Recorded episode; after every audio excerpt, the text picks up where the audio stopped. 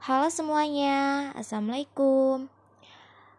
Kenalin, nama aku Antika Dwi Rahman dengan NIM 054 Di semester 5 ini aku mendapatkan tugas membuat podcast di mata kuliah Administrasi Penyuluhan dengan dosen pengampu Pak Mukhtar jadi kita sama-sama belajar bareng yuk tentang apa sih administrasi penyuluhan itu.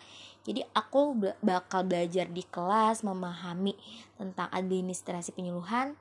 Nanti apa yang aku pahami bakal aku sampaikan di podcast. Jadi semoga kita sama-sama belajar mendapatkan ilmunya dan ini semua bisa mendapatkan manfaatnya. Enjoy, makasih, semoga bermanfaat.